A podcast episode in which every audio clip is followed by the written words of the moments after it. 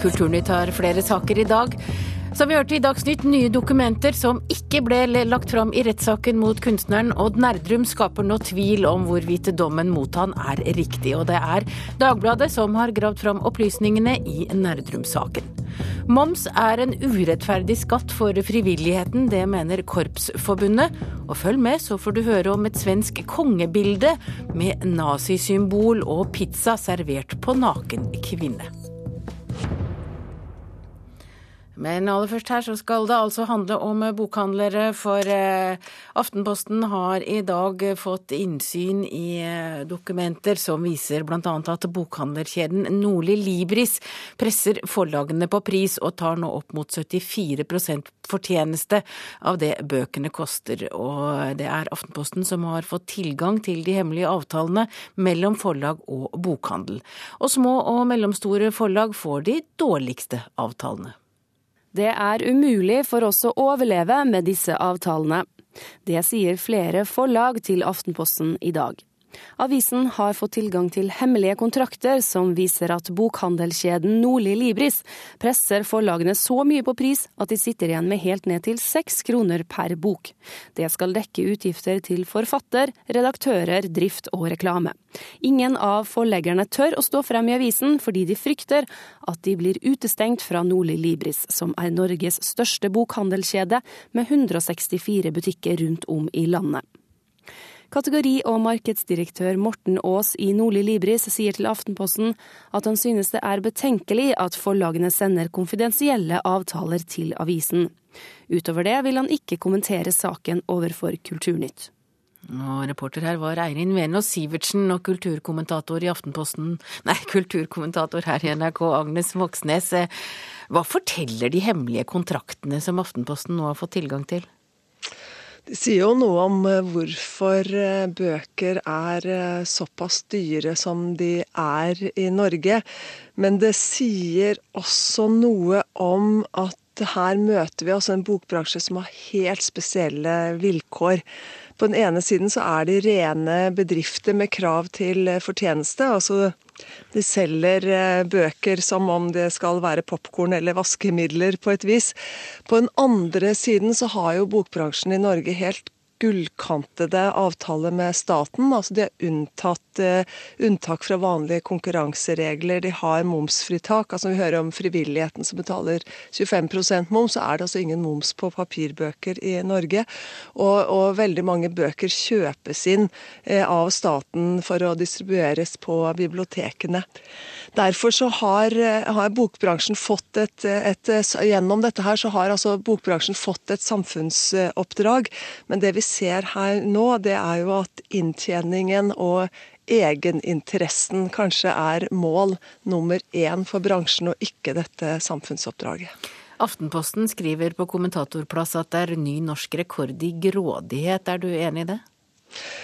Ja, det er jo, altså Dette er næringsdelen av uh, bransjen. Samtidig må vi huske at uh, bokbransjen er i en veldig utfordrende tid uh, akkurat nå. Det er bokhandlere som da Aschehoug eier i dette, er med å eie i dette tilfellet. Cappelen Dam eier en bokkjede, bokhandlerkjede som heter Tanum. Gyllendal eier Ark. vi vet at bokhandlerne er i ferd med å få stor konkurranse fra nettomsetning av bøker bøker, altså de digitale bøkene. Sånn at eh, her eh, er vi i en interessant konkurransesituasjon, hvor eh, forlagene skviser sine egne konkurrenter for alt det det er verdt. Men eh, når du sier dette, og det at eh, bokhandelen angivelig nå skal ha så mye fortjeneste, og de driver til og med ulik praksis overfor eh, forlag Ja, for vi vet jo ikke hvilke, hvilke vilkår de gir sine egne. Ettersom Nei, forlaget ikke, men... eier, eier, bokhandelen, så vet vi jo ikke noe om hvilke avtaler de selv de gir seg selv, da. Men mener du at dette er en praksis myndighetene nå bør se på? Ja, jeg tror nok at myndighetene i løpet av de siste årene iallfall er blitt klar over at eh, bokbransjen er en, eh, en eh, bransje som konkurrerer skarpt. Samtidig så vet vi at bokbransjen er veldig opptatt av å skaffe seg en boklov, altså få permanente unntak fra konkurransereglene. Og det er vel når sånne fakta som dette her kommer på bordet, så gjør det det vel ikke lett for kulturministeren å banke gjennom en boklov. Så jeg tror at det vi nå kan vente, er at avgjørelsen om en boklov utsettes eh, på ubestemt eh, tid. Men ytterst i denne næringskjeden så finner du jo forfattere, og for ikke å snakke om oss som kjøper bøker. Hva betyr dette for oss? Nei, Det betyr jo, som jeg sa i begynnelsen, at vi ser jo her hvorfor eh, eh, en bok koster såpass eh, mye som den gjør i Norge. I ekstreme tilfeller, ser jeg i den artikkelen i, i Aftenposten i dag, så går altså av en bok som koster 300 kroner, så går 222 kroner til bokhandelen og, og, forlaget som da skal betale trykking og, og forfatterhonorar og sånt. Nå sitter igjen med 78 kroner. Eh, så det er klart at her er det et eller annet som ikke stemmer. For det viktigste i denne næringskjeden er tross alt forfatteren. Takk til deg, kulturkommentator her i NRK, Agnes Moxnes.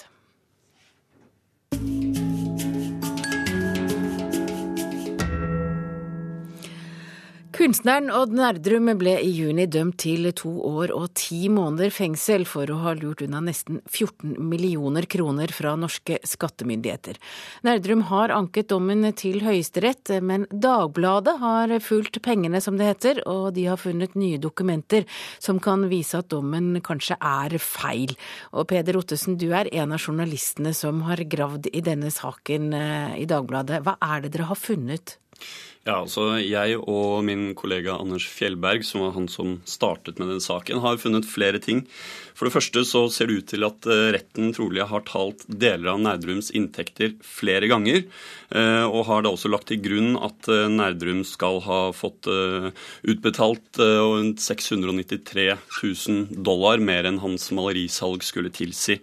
Men viktigst av alt så har vi også funnet at Nærdrum høyst sannsynlig har eh, skattet av alle eh, pengene. Bortsett fra tre små sjekker. Ja, Dere har altså fulgt pengestrømmer mellom Forum Gallery i New York, dere har vært på Island, Østerrike og en bank i New York. Hva slags dokumenter er det dere har funnet som ikke var framme i rettssaken? Du kan si at vi har funnet en del dokumenter som eh, tetter en del hull i denne saken. Det var eh, kollegaen min som satt i lagmannsretten som reagerte på spennet mellom eh, den bastante dommen og kunstsosiolog og Nerdrum-venn Dag Solhjells klokketro på Nerdrums uskyld, som gjorde at han begynte å gå opp disse hullene i dommen. Så har vi da funnet bankutskrifter som beviser at pengene har gått den veien som Nerdrum Gjerdrum mener den har gått. Og vi har også funnet eh, inntektsoversikter eh, og eh, fått utlevert og sporet opp selvangivelser som viser at han har skattet høyst sannsynlig av disse pengene. Og høyst sannsynlig, men da kanskje til feil land på feil tid?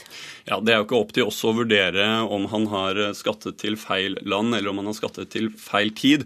Men her har vi i hvert fall ikke klart å slå noe helt fast uh, om han har gjort det uh, eller ikke. Men det er litt uenighet mellom bl.a. Nerdrum og ligningsmyndighetene vedrørende hvor han skulle skatte, fordi det var en overgang da han hadde flyttet til Island. Og så er det også et tidsperspektiv her hvor partene er uenige. Jeg må jo spørre Peder Ottesen, hvordan er dere har jobbet for å få fram alle disse dokumentene, for dette er jo ikke akkurat dokumenter som ligger åpent? Nei, det er det som sagt eh, startet med min eh, kollega Anders Fjellberg, som da har eh, sporet opp disse hullene i dommen. Det er altså en del ting i dommen som ikke henger på greip, da, for å si det sånn. Og så har han da tatt kontakt med en bank i Østerrike og fått ut bankutskrifter som viser akkurat hvor pengene har gått. Han har, vi har vært i kontakt med Eh, Nerdrum sin, eh, sin, revisor på Island, eh, som har gitt oss dokumenter som det ser ut til at retten eller lag, aktoratet aldri spurte om. Så det var aldri forelagt retten ligningsdokumenter som viser at han da altså skattet av disse på et senere tidspunkt. Så, så dette var dokumenter som aldri ble framlagt i retten, som vi har sporet opp, og som da eh, påtalemyndigheten aldri spurte om, ser det ut til. Og så er jo det store spørsmålet hvilke konsekvenser eh, kan de funnene få? Ja, nå skal ikke vi eh, felle noen dom over det. Det får vi la være opp til domstolene. Men vi har snakket med flere eksperter, jurister, som eh, sier at dokumentene kan få flere konsekvenser.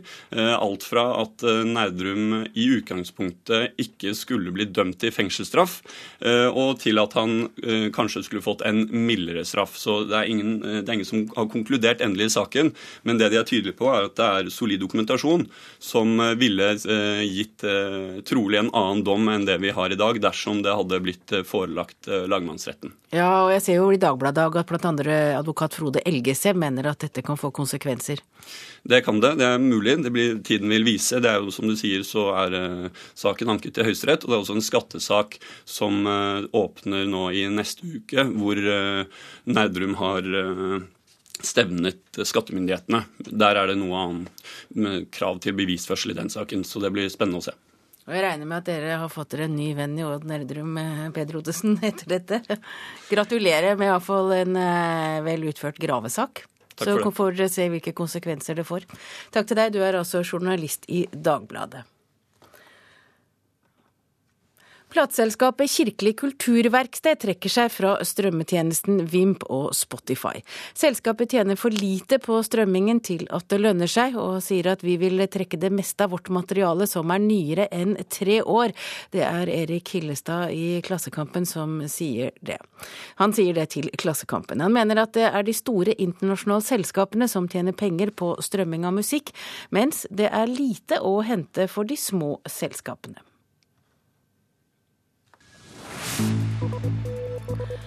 Økonomer advarer mot storbygettoer og klasseskiller på boligmarkedet, men utbygging av utleieleiligheter er ingen løsning. Det mener Oslo byråd. Erna Solberg tegner et nattsvart bilde av tryggheten til norske pasienter. Det mener helseminister Jonas Gahr Støre.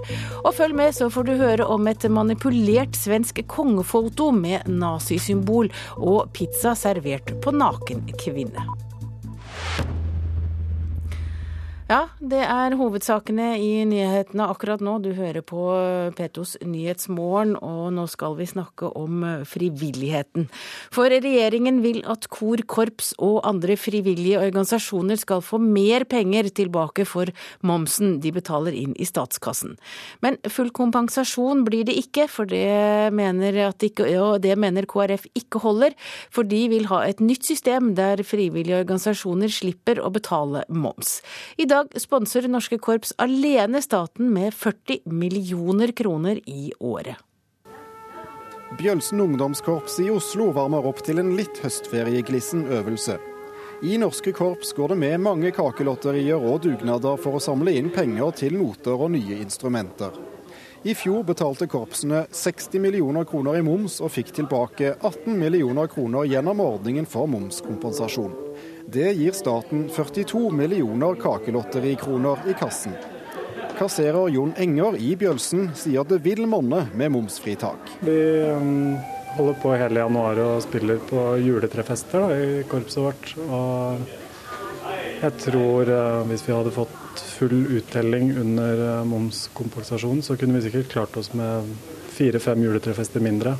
Det er klart det blir jo en lavere belastning på medlemmene. Den må matche den der. Sant? Så tar du over det du får fra saksofonen der. Mens næringslivet og det offentlige ikke betaler moms på varer og tjenester, så må de frivillige organisasjonene gjøre det. De siste årene har den rød-grønne regjeringen derfor smått om senn bygget opp en pott med penger frivilligheten kan søke på for å få tilbakebetalt noe av momsen. På neste års statsbudsjett økes potten til 950 millioner kroner til frivillig kultur, idrett og veldedighet. Svært positivt, sier generalsekretær i Norges Musikkorps Forbund, Anita Finnebråten. De signalene som har kommet i dag, eh, gleder eh, mitt hjerte og på vegne av korpsbevegelsen. Eh, men det er nå engang slik at vi ønsker å ha et klar målsetning om fullt momsfritak, og det vil si krone for krone.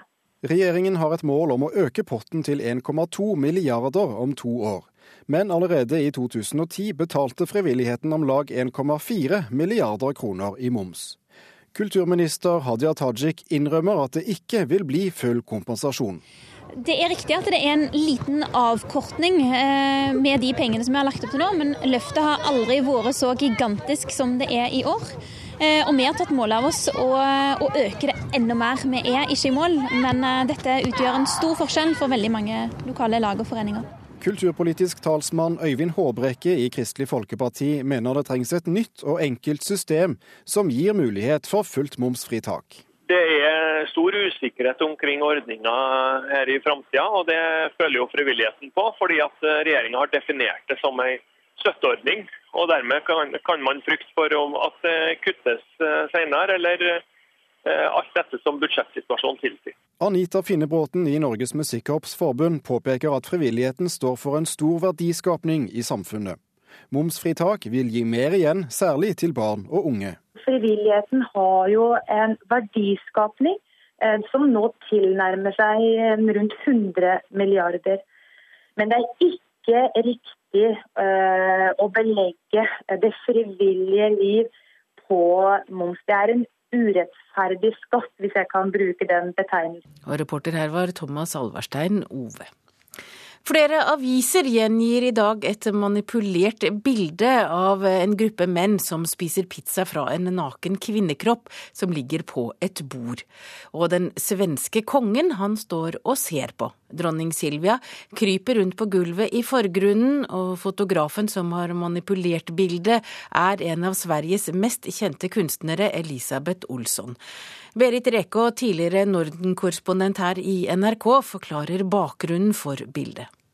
Dette er vel på mange måter eh, skandalene rundt det svenske kongehuset de siste årene. Skandaler eh, satt sammen til et manipulert eh, bilde.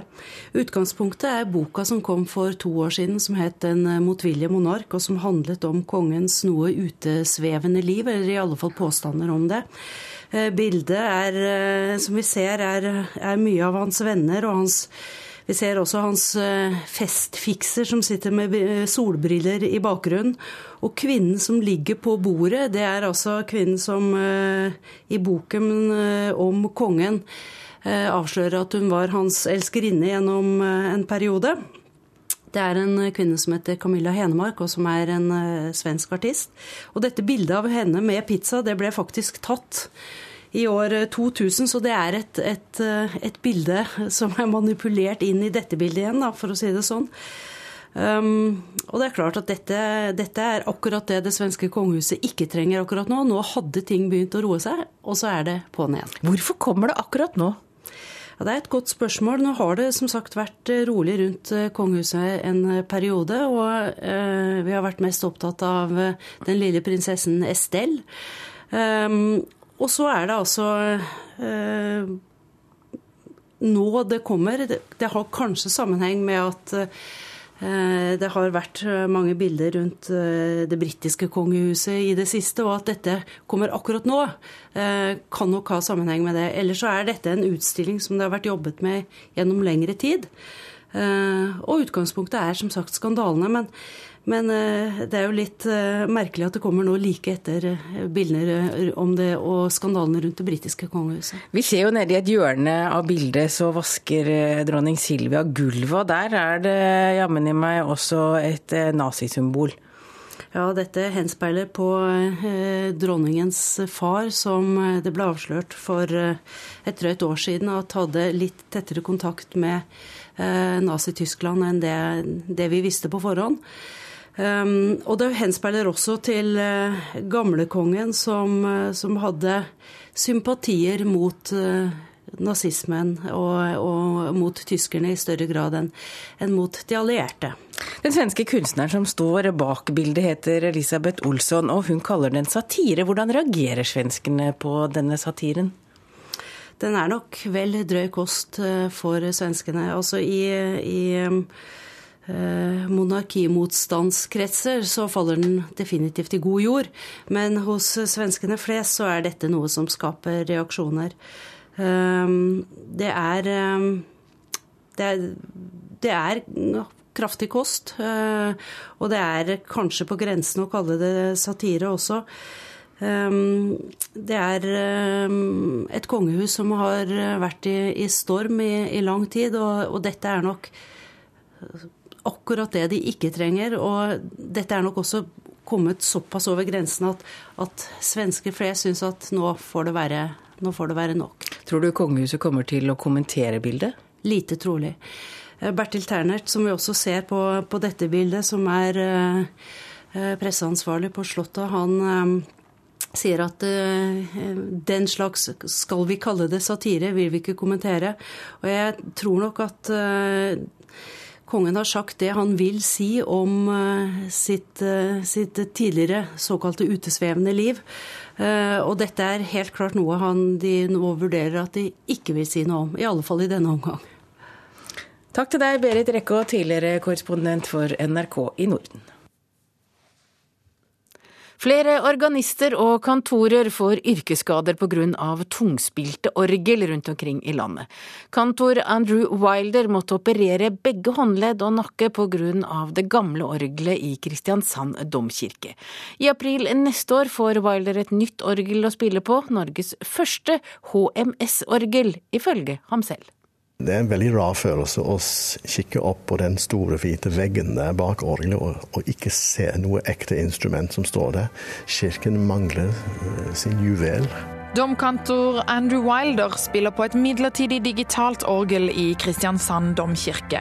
I tolv år satt han i timevis og spilte på et orgel som har ført til nerveskader, operasjon i begge håndledd og to nye skiver i nakken. Det kom til et punkt der jeg ikke kunne spille mer enn 20 minutter før jeg mistet følelsene i skuldre og fingre. Og det var min fysioterapeut som eh, egentlig fant ut av dette. Og på det punktet sa han at du, du har nerveskade og muskelsvinn. Å sitte og spille i tolv år og gjøre skade uten å være helt klar over hva man gjør, den har en, en, menneskelig pris, selvfølgelig. Jeg er ikke i den samme stand i dag som jeg var for tolv år siden. Etter mangfoldige utredninger og sykemeldinger for Wilder bestemte kirkesjefen at orgelet var helseskadelig å spille på. Neste år får dermed domkirka i Kristiansand nytt orgel i verdensklasse, og kanskje Norges første helse-, miljø- og sikkerhetsorgel, ifølge Wilder. Ja, du kan jo si at øyeblikkelig Fellesrådet gikk inn for å stenge det gamle orgelet. Så hadde vi en HMS-sak, for da hadde vi arbeidsutstyr i kirken som ikke lenger kunne brukes. Um, og det utløser et behov, og det behovet ble meldt til kommunen. og um, Selvfølgelig, i en domkirke skal man ha et skikkelig orgel å vise til. Kantor Bjørn G. Odden i Vågsbygd kirke i Kristiansand har et elsk-hat-forhold til hans arbeidsredskap fra 1960-tallet. Det ble i fjor påvist i ulike rapporter at også dette orgelet fører til yrkesskader. Det er jo ikke noe sånn veldig motiverende, må jeg si. Det har blitt mer og mer at dette er noe som jeg må gjøre, for jeg, alle må jo ha et levebrød. Eh, men tanken har jo slått meg mange ganger at det hadde vært godt å ha noe annet å gjøre. Fagrapportene sier at instrumentet klinger trist, og det mangler dette og dette. Så du setter litt igjen Ja, hva er det vits i med å å øve seg og, og innstudere nye ting når, når det er håpløst å, å få, få, til, så at menigheten skal få en god opplevelse av det. Så det jeg har flere eksempler på at, uh, at uh, tungspilte instrumenter fører til belastningsskader hos uh, organister. Det sier nestleder i Musikernes Fellesforbund og orgelkonsulent Anders Hovin. Det er uh, gjerne uh, en kombinasjon av, uh, av, arbeidspress, altså at man har behov for å øve mye i en periode, kombinert med, med dårlig ergonomi og gjerne instrumenter som er tunge å spille. Orgler er jo veldig store instrumenter, og ofte når man skal koble sammen flere manualer, så, så blir eh, instrumentene tungspilte. Og mens domkirka snart får sin juvel på plass, må Odden i Vågsbygd kirke vente i spenning på sin. Ofte når jeg er eh, og spiller til gudstjeneste i Vågsbygd, så føler jeg meg som en guttunge som har det veldig, veldig gøy og syns det er moro. Og det gir meg en god del. Mm. Det var bare dette her orgelet? Ja, jeg hake med det, ja. og Mari McDonald var i kirken og hørte på orgel. Vi takker for oss her i Kulturnytt. Ansvarlig i dag var Vidar Sem, Espen Hansen og jeg heter Hege Holm. Og Petos Nyhetsmorgen fortsetter med Øystein Heggen i studio.